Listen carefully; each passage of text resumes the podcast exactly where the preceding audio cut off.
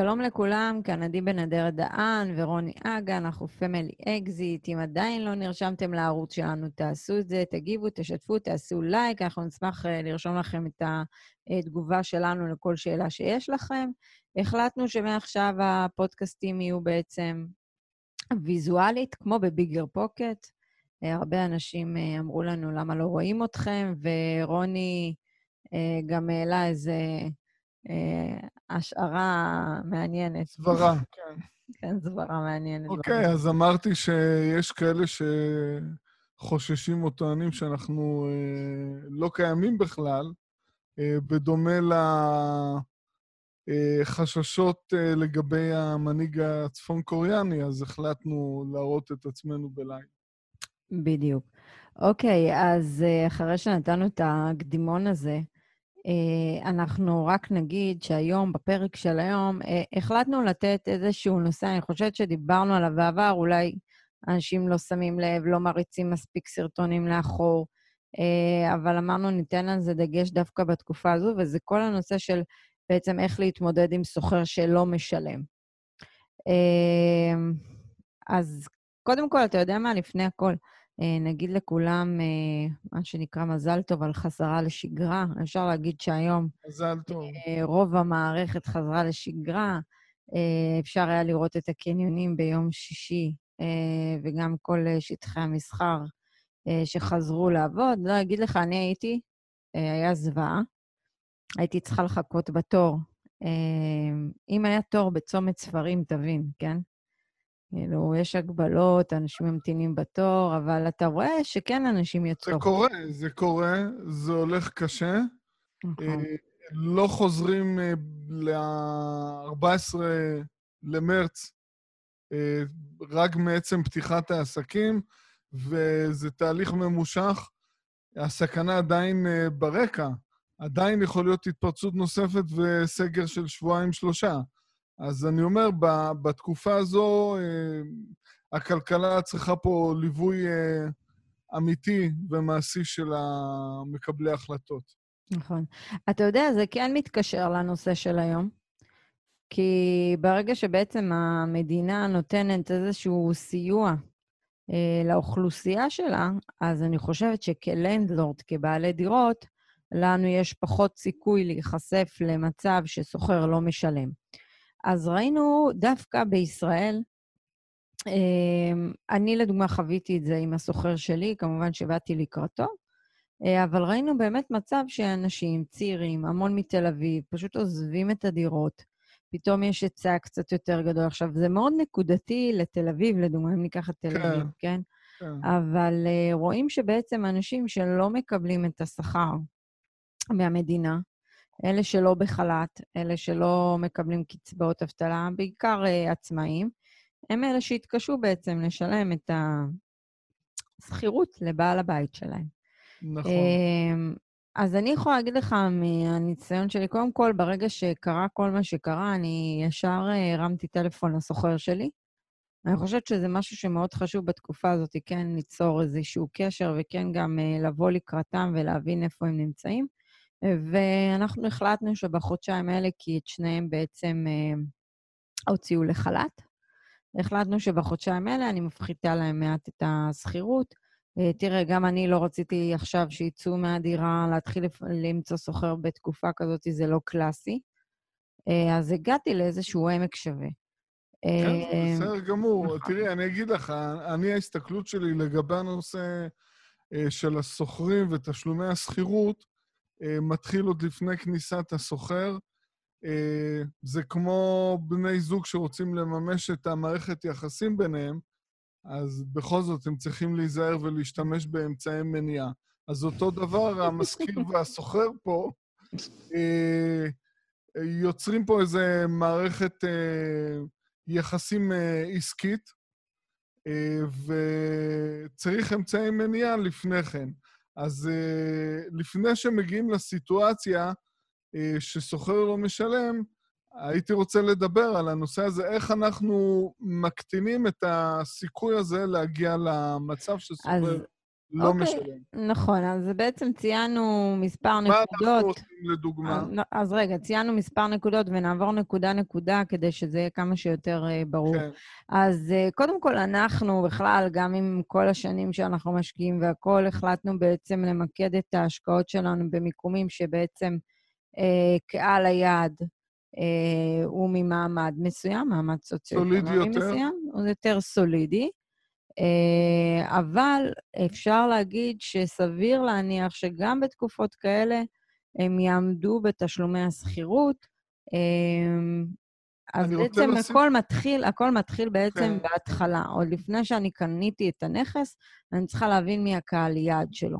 אז רגע, לפני שאת מתקדמת עם זה, אני רוצה Mhm. רק אה, להוסיף שאנחנו מתמקדים בקהל יעד איכותי וסולידי של שוכרים פוטנציאליים.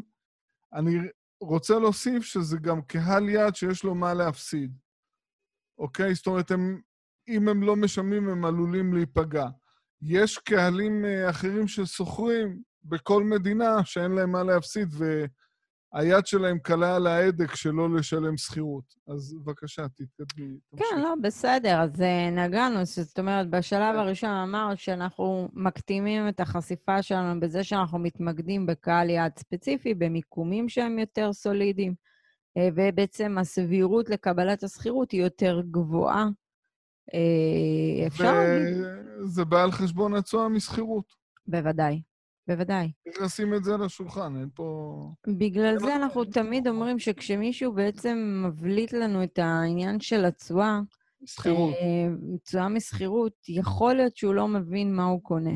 מה מסתתר ו- מאחורי זה? בדיוק, כי מכל דבר מסתתר משהו. היום אם אתם הולכים לארצות הברית, דווקא בתקופות של היום, לקנות נכסים של 50 אלף דולר, אה, ולהגיד, אוקיי, יש לי תשואה 10 אחוז או 9 אחוז, אתם צריכים להבין מה בעצם מסתתר מאחורי המספרים האלה. עזוב לגבי עיתוי השקעה, בואו נשים את זה רגע בצד. כן.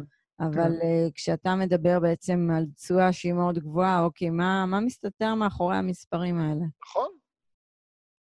אז אוקיי, זו הנקודה הראשונה שלנו, שאמרנו שהכל בעצם מתחיל מהקנייה של הדירה, עוד לפני הקנייה, שאנחנו רוצים לדעת ולהבין מה אנחנו קונים.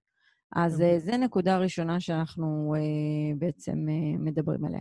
הנקודה השנייה, וזה כמובן במדינות מערביות uh, מפותחות, בואו נוציא את ישראל רגע מהמשוואה הזאת, uh, זה כל העניין של בדיקת סוחר. Uh, ובדיקת סוחר, מי שאחראי עליה זה חברת הניהול. נקודה. אתם עכשיו הולכים, אה, קונים נכס בחו"ל, אתם קונים נכס בחו"ל על מנת, אה, מה שנקרא, שתהיה השקעה פסיבית וכמה שפחות התעסקות. אז אתם נותנים את המפתחות לחברת ניהול. חברת הניהול חייבת בעצם לבדוק את טיב הסוחר. אה, ויש הרבה פעמים שבקשות של סוחרים נופלות. קורה. נכון. עכשיו, זה נקרא ב- בשפה שלהם אפליקיישן. הם בעצם הם מגישים מגיש בקשה, בקשה. להשכיר את הנכס. הם צריכים לתת המון נתונים. אתם צריכים להבין שזה לא מה שהולך פה בישראל. בישראל פה אין לנו את היכולת, אולי היום קצת יותר, אבל זה עולה כסף מן הסתם. אין לנו את היכולת להבין באמת את הרקע, הרקע האשראי של הסוחר. זה נקרא קרדיט סקור. אין לנו את היכולת. בארץ ההחלטה לגבי הסוחר, לצערי, כרגע מושתתת על אינטואיציה של המשכיר. אה, אבל אה, את יודעת, הנוכלים הכי גדולים אה, הם הכי הם רהוטים. להתחבב. זה לא עובד. ככה. צריך לבדוק לפי הספר, במדינות המערביות שאנחנו פועלים, יש מה שנקרא references check, זה חברות חיצוניות שבודקות לפי הספר אם הסוחר מתאים. אז כמו שאמרת, קודם כל זה אה, היחס בין השכר החודשי שלו לשכירות החודשית, אה, כמה העבודה שלו יציבה ובטוחה, מדברים עם המעסיק, אבל מדבר- רוני, הדבר הכי חשוב כן. זה לבדוק שאין לו פינויים בעבר. אוקיי, הקרדיט סקור. אז בקרדיט סקור אה, רואים אם היה לו פינויים בשבע שנים האחרונות, אה, ובודקים גם את ההתנהלות שלו אצל המשכיר הקודם, את ההיסטוריה שלו כסוחר. נכון. מסתכלים- אבל פה אני חייבת לסייג את הנקודה הזאת.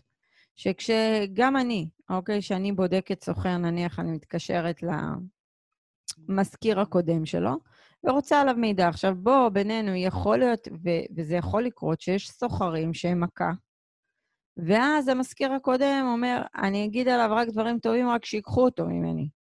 אני לא מסכים איתך. למה? אני אגיד לך. ברגע שאת מתקילה סוחר שהוא עשה בעיות למזכיר הקודם, ואת אומרת לו, יהיה, אני רוצה את הפרטי התקשרות של המזכיר הקודם שלך, הוא mm-hmm. ימציא סיפורים אה, אה, שהוא גר אצל ההורים שלו בגיל 38, עד גיל 38. זכרו לך המקרה הזה. כן, זכרו. אז אה, רק בנקודה הזו כבר אפשר לראות אה, התנהלות של סוחר, ובשוק, שהבדיקה הזו היא שכיחה ומקובלת, אז uh, סוחרים שיש להם מה להפסיד, מה שאמרנו מקודם, ייקחו את הדברים האלה בחשבון, כי הם יתקשו להשכיר uh, דירות במקומות שהם uh, סבירים. אתה יודע מה? בוא נסייג את זה למקרים מסוימים. זה יכול לקרות, אני לא אומרת שזה יקרה תמיד. זה לא מדע זה, מדויק, אבל... זה לא, זה לא יש מדע. יש לנו נקודה נוספת, עדי. יש את כן. הנושא הזה שבודקים uh, שלושה חודשים של תדפיסי חשבון בנק. נכון. זה עוזר לקבל... תראי, יכול להיות מצב שהסוחר הפוטנציאלי אה, מרוויח ממש יפה, אבל אם הוא לא מתנהל מבחינה פיננסית באופן אחראי, אה, אז אה, זה לא עוזר. אז אנחנו בודקים את התדפיסי חשבון בנק, לראות שהוא מתנהל נכון, ושהוא משלם כל חודש בזמן את השכירות באותו מועד. נכון. לא נכון. אמ, תראה, קודם כל, אני מתנצלת שאני שותה קפה, זה הקפה של הבוקר, זה, אתה יודע, שמתי את הילדים במסגרות, ואני חייבת את הכוס קפה בשקט. עדי. זה כאילו, רוני, לא היה לי יום כזה, אני מרגישה באמת אחד בספטמבר, אבל uh, אני ממש, אתה יודע, זה כזה נהנית סוף סוף, אני רגילה, כל בוקר הייתי לקום, היינו קמים עדיין מוקדם, עדיין שוגר, שומרים על שגרה. אבל אתה יודע, הקפה זה לא אותו קפה. זה ברקע רעשים, זה, זה הסוני פלייסטיישן ברקע, זה, זה, לא יודעת מה, כל מיני רעשי רקע. עכשיו יש שקט כזה לשתות את הקפה. אני רציתי להזכיר לך משהו.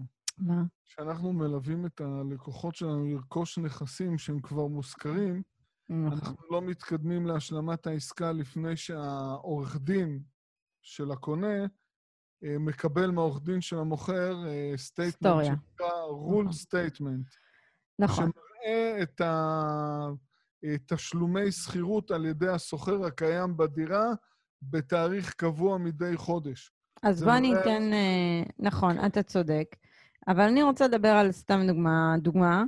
אה, כן. דווקא במצב הזה. עשינו את כל הבדיקות, ועדיין כביכול אה, ישנו מצב שסוחר, וזה קרה, נכון. שנקודתית בקורונה, לדוגמה, היה, היה איחורים בשכירויות. למה אבל? אה, חלק מהסוחרים חיכו לתשלום שכר מהמשכירים. אה, ואז זה יצר טיפה עיכוב. עכשיו, זה מוביל אותנו לנקודה הבאה, שהנקודה הבאה, כשסוחר לא משלם, אני צריך להבין למה הוא לא משלם. לפני שאנחנו מתחילים לשבור את הכלים ובואו נפנה אותו וכל זה, והתעצבן איך הוא, למה הוא לא שילם לי וכל זה, צריך להבין מה עומד מאחורי האי-תשלום הזה. האם זה נקודתי, אה, אולי פיטרו אותו, אה, אולי יש לו איזשהו קושי. צריך בעצם אה, להבין את הנקודות האלה לפני שאנחנו בעצם באים ואומרים לחברת ניהול, אוקיי, בואו נתחיל תהליך של פינוי סוחר. כי תהליך של פינוי סוחר הוא גם, אני לא אומרת שזה ישר ילך לבית משפט, זה יכול להגיע לשם, אבל זה יכול גם להיפסק לפני הבית משפט. אבל מצד שני, אני אתן את הדוגמה שלי ולך קרה, אה, קרתה בארצות הברית. אה, בעצם הגענו למצב שחודש שעבר יש לנו סוחרות שלא שילמו, הם אמרו שפיטרו אותם. עכשיו, כולם יודעים שבארצות הברית הם קיבלו סיוע, פפפי פפפה, אה, ואז ראינו בעצם שהסיוע לא מגיע. וגם מנהלת הנכסים אמרה, תראו, אני חושבת שהסוחרות האלה לא ישלמו. אה, ובעצם הוחלט אה, ביחד איתה שאנחנו נפתח בהליך של פינוי סוחר. אה, אז כל דבר זה נקודתי. הנה, היה את המקרה אחד שאתה רואה שסוחר משתף כן. פעולה, והוא אומר, והוא מוכיח, עדיין לא שילמו לי את השכר, ברגע שישלמו לי את השכר, אני מעביר את השכירות. ומצד שני, היה את אלה שבעצם, בוא נגיד, חשבו שהם, לא יודעת מה, כן, משפרות כן, את המערכת, לנסות uh, למרוח. הם ישלמו זה גבוה, כי קודם כל הם יפסידו את הדיפוזיט שלהם, ובשבע שנים הקרובות הדירוג אשראי שלהם ייפגע, יופיע שם פינוי, eviction, ובשבע שנים הקרובות הם יוכלו להשכיר אה, דירת מגורים אך ורק באזור שנקרא slums. ה slums בארצות הברית זה לא אזור אה, נעים לגור בו, עדיף שהן יהיו חמושות. אה, אני רוצה, אני בדיוק פה נזכרתי במקרה שאני לפני מספר שנים למדתי קורס uh, ניהול נכסים uh, אונליין, uh, אחד שמנהל 1,200 אה, אה, יחידות דיור שהן בבעלותו. אה, המרצה הוא משקיע אמריקאי משנת 73, אז הוא דיבר לגבי הנקודה הזו של סוחר שלא משלם. הוא אמר כזה דבר, במידה וזה סוחר טוב ומשלם בזמן, והוא אמור לשלם כל ראשון בחודש, כמו שמקובל בארצות הברית, במידה והוא לא שילם עד השישי לשביעי, אני יכול לחיות עם זה, במידה וזה אירוע חד אה, פעמי. אחרי התאריך הזה אני מתחיל תהליך פינוי. במידה וזה סוחר שכל אה, חודש יש לו סיפור אחר לגבי אה, מועד תשלום השכירות, אז ברגע שהוא מתעכב יום אחד, אני ישר מתחיל תהליך פינוי. אז אין פה חוק יש פה אה, תגובה שהיא אינדיבידואלית לסוחר. אם יש לנו סוחר שהניסיון שלנו איתו הוא חיובי, אז אפשר לבוא לקראתו. אה, סתם לדוגמה, לעשות לו הנחה באותו חודש, ואת היתרה של החוב לפרוס על החודשים הבאים. אה, אם אנחנו לא נעשה את זה ככה, אז אה, כל אחד יבוא ויקטר לנו כל פעם שהוא נקלע לקשיים, כדי להקטין את השכירות החודשית. Mm-hmm. אז צריך להבין את זה. אה, מסכימה. במידה ויש בעיות עם uh, סוחר, אז אין ברירה, צריך ללכת עד הסוף פה. אגב, אתה יודע, אתה זוכר, הסוחרות האלה שהיו לנו באטלנטה, הן דווקא שנתיים שם ומשלמות נכון. בזמן והכול, אבל ראינו גם שלפני הקורונה היה להם איזה פעמיים ככה שהם כבר התחילו לזייף. לגשש. לגשש. כן. אה, ואז בעצם הגיעה הקורונה, וזה תגובת שרשרת, ניסינו לתת להם חודש ככה, אה, מה שנקרא, אה, לצאת מזה, אבל הם... טוב, בכל מקרה לא צריכות לצאת בסוף יוני מהנכס. כן, ואנחנו, מה נעשה? אנחנו, בגלל שקנינו את זה בעיתוי מוש, מושלם, אה, אז אנחנו עכשיו זוכים לשכירות אה, שהיא קרובה לאלף... אה, אתה זוכר, קנינו את הנכס הזה ב-56 אלף דולר, קצת תיקנו, תיקונים, עניינים. הזכיר בהתחלה, הזכרנו את זה ב-780, רוני. 780. ועכשיו אנחנו מדברים על שכירות של 975. אז... אוקיי. אחלה, נחכה, מה לעשות? קיבלנו איזושהי... אה, מכה קטנה, אבל הם ממשיכים קדימה. אבל שוב, אתם צריכים גם לזכור, לי ולרוני קל אולי לדבר על זה, כי זה נכס אחד מתוך תיק שלם. זה חצי נכס, לכל אחד מאיתנו. אוקיי, כן, חצי נכס. אז זה לא מכה יותר מדי חזקה, ובגלל זה אנחנו תמיד מדברים על פיזור.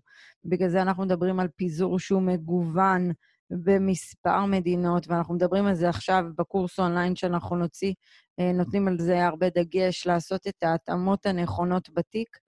אה, וזה חלק, כאילו, אתם צריכים לחבר את כל הפאזל הזה ביחד, גם מיקום, המיקום משפיע על הסוחרים.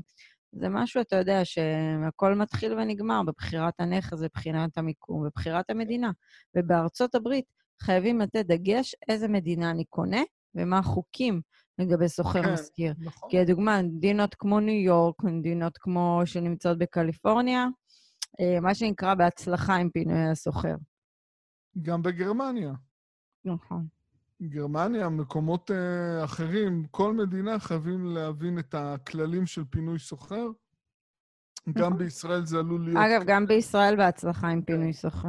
כן, זה גם עלול להיות קשה, והעלויות פינוי בישראל הן מאוד יקרות, כי מאוד. אנחנו נצטרך להיעזר בעורך דין. ליווי משפטי כן, צמוד. כן, אז, אז נגיד בארצות הברית, ליווי משפטי יכול להגיע ל-300-400 דולר באזור שאנחנו פועלים, באנגליה 1,000-2,000 פאונד במידה וזה קורה. לא, פחות, זה 850 פאונד. 2,000 זה, אתה יודע, אם יש באמת... תראי, דברים זה קשים. תלוי הנכס. אם זה בלונדון, כן. אז אה, עורכי דין שם יותר יקרים. נכון, נכון, אתה צודק. אוקיי, אז אמ, בעצם אה, בוא, בוא ניגע בנקודה הבאה. נניח באמת שוכר לא יכול לשלם, ופה באמת מגיעה הנקודה שלנו, שאנחנו צריכים לבוא ולנסות כמה שיותר לגשר איתו, לתת לו איזשהו, אה, מה שנקרא פתח מילוט, אפשרות יציאה. בוא תפנה את הנכס, בלי איזה עכשיו הליך פינוי של בתי משפט, משהו שיכול לגרור לך קרדיט סקור, היה לי- בעיות בקרדיט סקור והכל. היה לי אבל מקרה מצד, כזה. נכון, אבל מצד שני אנחנו צריכים להבין שאנחנו מוותרים פה על תביעה אה, של השכר והכל. זאת אומרת, כל מה שהפסדנו, אנחנו מוותרים פה על התביעה כנגדו. זאת אומרת, אם הוא יוצא מרצון, אז אתה לא נכון. עושה את ההליך המשפטי המקיף, ואז בעצם, הרי בהליך המשפטי הזה, הרבה פעמים אנחנו תובעים ממנו חזרה את מה שהפסדנו. לרוב, אה, יכול להיות שזה יצליח. אה, לי קרה מקרה שאחרי שנה וחצי קיבלתי את הכסף חזרה. שכחתי מזה, ופתאום אני רואה ב statement, כאילו, סכום כן. יותר גבוה, ולא הבנתי מה זה, אז היא אמרה לי, מה, את לא זוכרת שפינינו וזה? האמת היא, לא זכרתי. אוקיי, אבל, אה, טובות. כן, זה תראי, היה... אני רוצה אה, לתת פה דוגמה של מקרה שקרה לי אה, דווקא בעיר לונדון, זה היה לפני תשע שנים. הייתה לי שם סוחרת, באותה תקופה, צריכה להבין, היו שם אחוזי אבטלה דו-ספרתיים, אה, וזה פגע בשכר הממוצע, והסוחרת שלי, אה, היה לה פגיעה אה, בשכר, והיא החלה להתקשות לשלם את השכירות החודשית. אה, ובשיחה עם מנהל הנכסים, הוא אמר שהוא יפנה אליה, ויאפשר לה לצאת מהנכס תוך ויתור על השכירות האחרונה, אבל לצאת בצורה כזו טובה. ואנחנו נוציא את הנכס שוב אה, להשכרה, היא לא תיחשף אה, להליך אה, של פינוי, ו... וברגע שהיא תתאושש, היא תמצא לה אה, דירה להשכיר. אז אה, זה בעצם מה שקרה. אז הנזק פה לא היה משמעותי. הרי אנחנו כבעלי נכסים להשקעה, אני חושב שבדרך כלל הנכס, הנזק הגדול ביותר עבורנו זה פינוי סוחר. מהמם, כי זה יכול להיות כרוך, בכל מדינה זה שונה, כן? אז זה יכול להיות כרוך בזמן אה, מסוים שלא מקבלים שכירות, ויכול להיות כרוך אחרי זה בעוד הוצאות, אה, אה, עלויות עורכי דין, זה שונה ממדינה למדינה, והכנת הנכס להשכרה אה, מחדש. במידה ונעשה נזק בנכס. אבל את יודעת מה, גם אם לא נעשה נזק, אם היה סוחר כמה זמן ויש דברים שצריך לחדש אה, בגלל אה, בלאי אה, סביר, אז זה מגיע בדיוק אה, בנקודה שלא היה הכנסה, היו הוצאות אה, משפט, אה, משפטיות, ואז גם צריך לעשות תיקונים בנכס. כן. אוקיי, בסדר, אז בנקודה הזאת גם נגענו. עכשיו בואו ניגע בנקודה נוספת, אה, וזה כל העניין, וזה בהחלט עכשיו תלוי מדינה, זה שניתן לבטח את השכירות החודשית. עכשיו, אנחנו לא אומרים לעשות את זה בכל מצב שהוא, וגם צריך להבין אולי נקודתית עכשיו בעידן הקורונה, אני לא יודעת כמה חברות ביטוח התלהבו לבטח את השכירות, אבל זה משהו שאפשר לבדוק עם סוכן ביטוח. סתם לדוגמה, זה יכול לכסות מספר חודשים שסוח- אה, שהסוחר לא משלם ואנחנו בהליך משפטי, זה יכול לכסות עלויות משפט. אז באמת, זה משתנה ממדינה למדינה. אני לא אומרת לעשות את זה אוטומטית על כל נכס. אני יודעת שגם בארצות הברית יש את האופציה הזאת, אבל שם יש הרבה הסתייגויות אה, בנושא. גם בישראל זה קיים היום. כן, בסדר, אז יש, קיים, ולשיקולכם כמובן, אבל מי שחושש, מי שקצת קשה לו, כן. מי שקצת קשה לו לעכל את כל העניין וזה, אז פשוט תעשו אני, אני אה, חושב. שבתקופות של אה, אה, אבטלה. יחסית גבוהה וחשיפה למימון בנכסים ספציפיים, אז אה, אה, בהחלט אה, כדאי לשקול את אופציה. האופציה. נכון. אוקיי, ואתה יודע מה הנקודה האחרונה? ואני חושבת שזו הנקודה שאנחנו חוזרים וטוחנים אותה כל כך הרבה, נכון? זה העניין של קופת חירום. המשבר הזה. הדגיש את זה. זה נכון, לא משנה באיזה תחום אנחנו עוסקים, משקיעים או לא משקיעים, נכון. אז קופת- אתה יודע, יש כל מיני קופות חירום. יש קופת חירום שאתם צריכים לתיקונים בנכס. חוץ מהקופת חירום הזאת, עליכם לעשות קופת חירום של לפחות בין ארבעה לשישה חודשי של שכירות, ל- ל- כדי שזה בעצם יגן עליכם מפני מצבים כאלה. מאוד פשוט. של אה, צורך בפינוי סוחר, אה, התמודדות עם אה, משבר קורונה כשאין לנו הכנסה כעצמאים, או התמודדות עם משבר קורונה כשאנחנו מקבלים חל"ת, בעלי שכר גבוה יותר, שמקבלים אה, 40 או 50 אחוז מהשכר הרגיל שלהם, או כל מיני משברים אחרים. נכון. ואתה יודע, אני- חושבת שכאילו המשבר הזה כל כך חידד את כל העניין של אה, בחירת נכסים ו- וגיוון, ולא ללכת ישר לתשואות גבוהות. אה, כאילו, יש כל כך הרבה דברים שאפשר ללמוד מהמשבר הזה. אה, כל אחד שיעשה כמובן, אתה יודע, את, ה- את השיעורי בית שלו לפעם הבאה. אבל דבר גם מאוד חשוב, זה שאתם צריכים להבין, דווקא עכשיו זה, יש כל כך הרבה, כאילו, תיכנסו, כאילו, מי שרוצה להשקיע, אתם צריכים לעשות את המהלך הזה, לבוא ולהשקיע. תפסיקו לפחד להיכנס שכביכול אתם שומעים כל מיני כתבות מפחידות והכול. להפך, זה הזמן. זה הזמן. מה, אתם רוצים לבוא שהכל ורוד? אתם זה הייתם קונים, כאילו... לבורסה אחרי חמש-שש שנים של עליות אה, חדות. זה אותו נכון. דבר. נכון. אז אה, בסדר, תראה, אתה יודע, דיברנו על זה פרק שעבר גם, שכל הקטע הזה, שבעצם מה. שמניע בעיקר זה פחדים. אמת. את חוזרת על הנקודה הזו של התשואות הגבוהות. אז אה, נכון. חשוב לי להבהיר, זה לא שאנחנו נגד אה, השקעות בנכסים עם תשואות גבוהות, הרי לי ולך יש נכסים כאלה בארצות הברית בעיקר. נכון. אה, מה שאנחנו באים אומרים, אה, אה, לכל דבר יש מחיר, ואנחנו צריכים למנן את זה אה, בהתאם למאפיינים שלנו כמשקיעים, בהתאם ליכולת שלנו.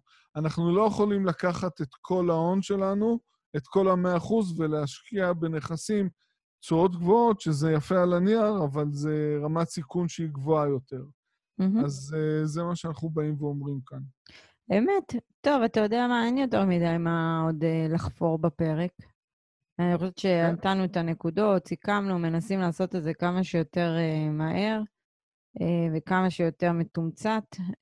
כל מי שרוצה באריכות לשמוע יותר, להבין יותר את קו המחשבה שלנו והכול, עוד מעט יצא קורס אונליין ואתם מוזמנים כמובן להירשם. אז אה, אנחנו נסכם את הפרק, אה, נאחל לכולכם חזרה לשגרה נעימה, אה, ונאחל לכם להתחיל, אה, מה שנקרא, לחזור גם להשקעות, והשד לא כזה נורא, וצריך להבין, יש עדיין מקומות שנפלא להשקיע בהם, ותנצלו את ההזדמנויות. שכולם, אתם יודעים, רדומים, אנחנו צריכים, מה שנקרא, זה שעת כן. הכושר שלנו. אז אה, מה? אני רוצה לומר משהו, תראי. אה, אנחנו היינו תקופה של חודש וחצי, אולי יותר, אה, ספונים בבתים אה, וחשופים לחדשות בכל שעה עגולה, והתראות, והכל היה כזה לחוץ ושלילי. ועכשיו אנחנו לאט-לאט חוזרים לשגרה שהיא שונה, כי אנחנו מהמם. עדיין, הבעיה הזו לא נפתרה. היא קיימת באיזשהו שלב, סביר להניח שהיא תיפתר, אבל אה, אין מה לעשות, אנחנו חייבים אה, לחזור לשגרה, וחלק מהשגרה הזו זה להסיק מסקנות מהאירוע הזה.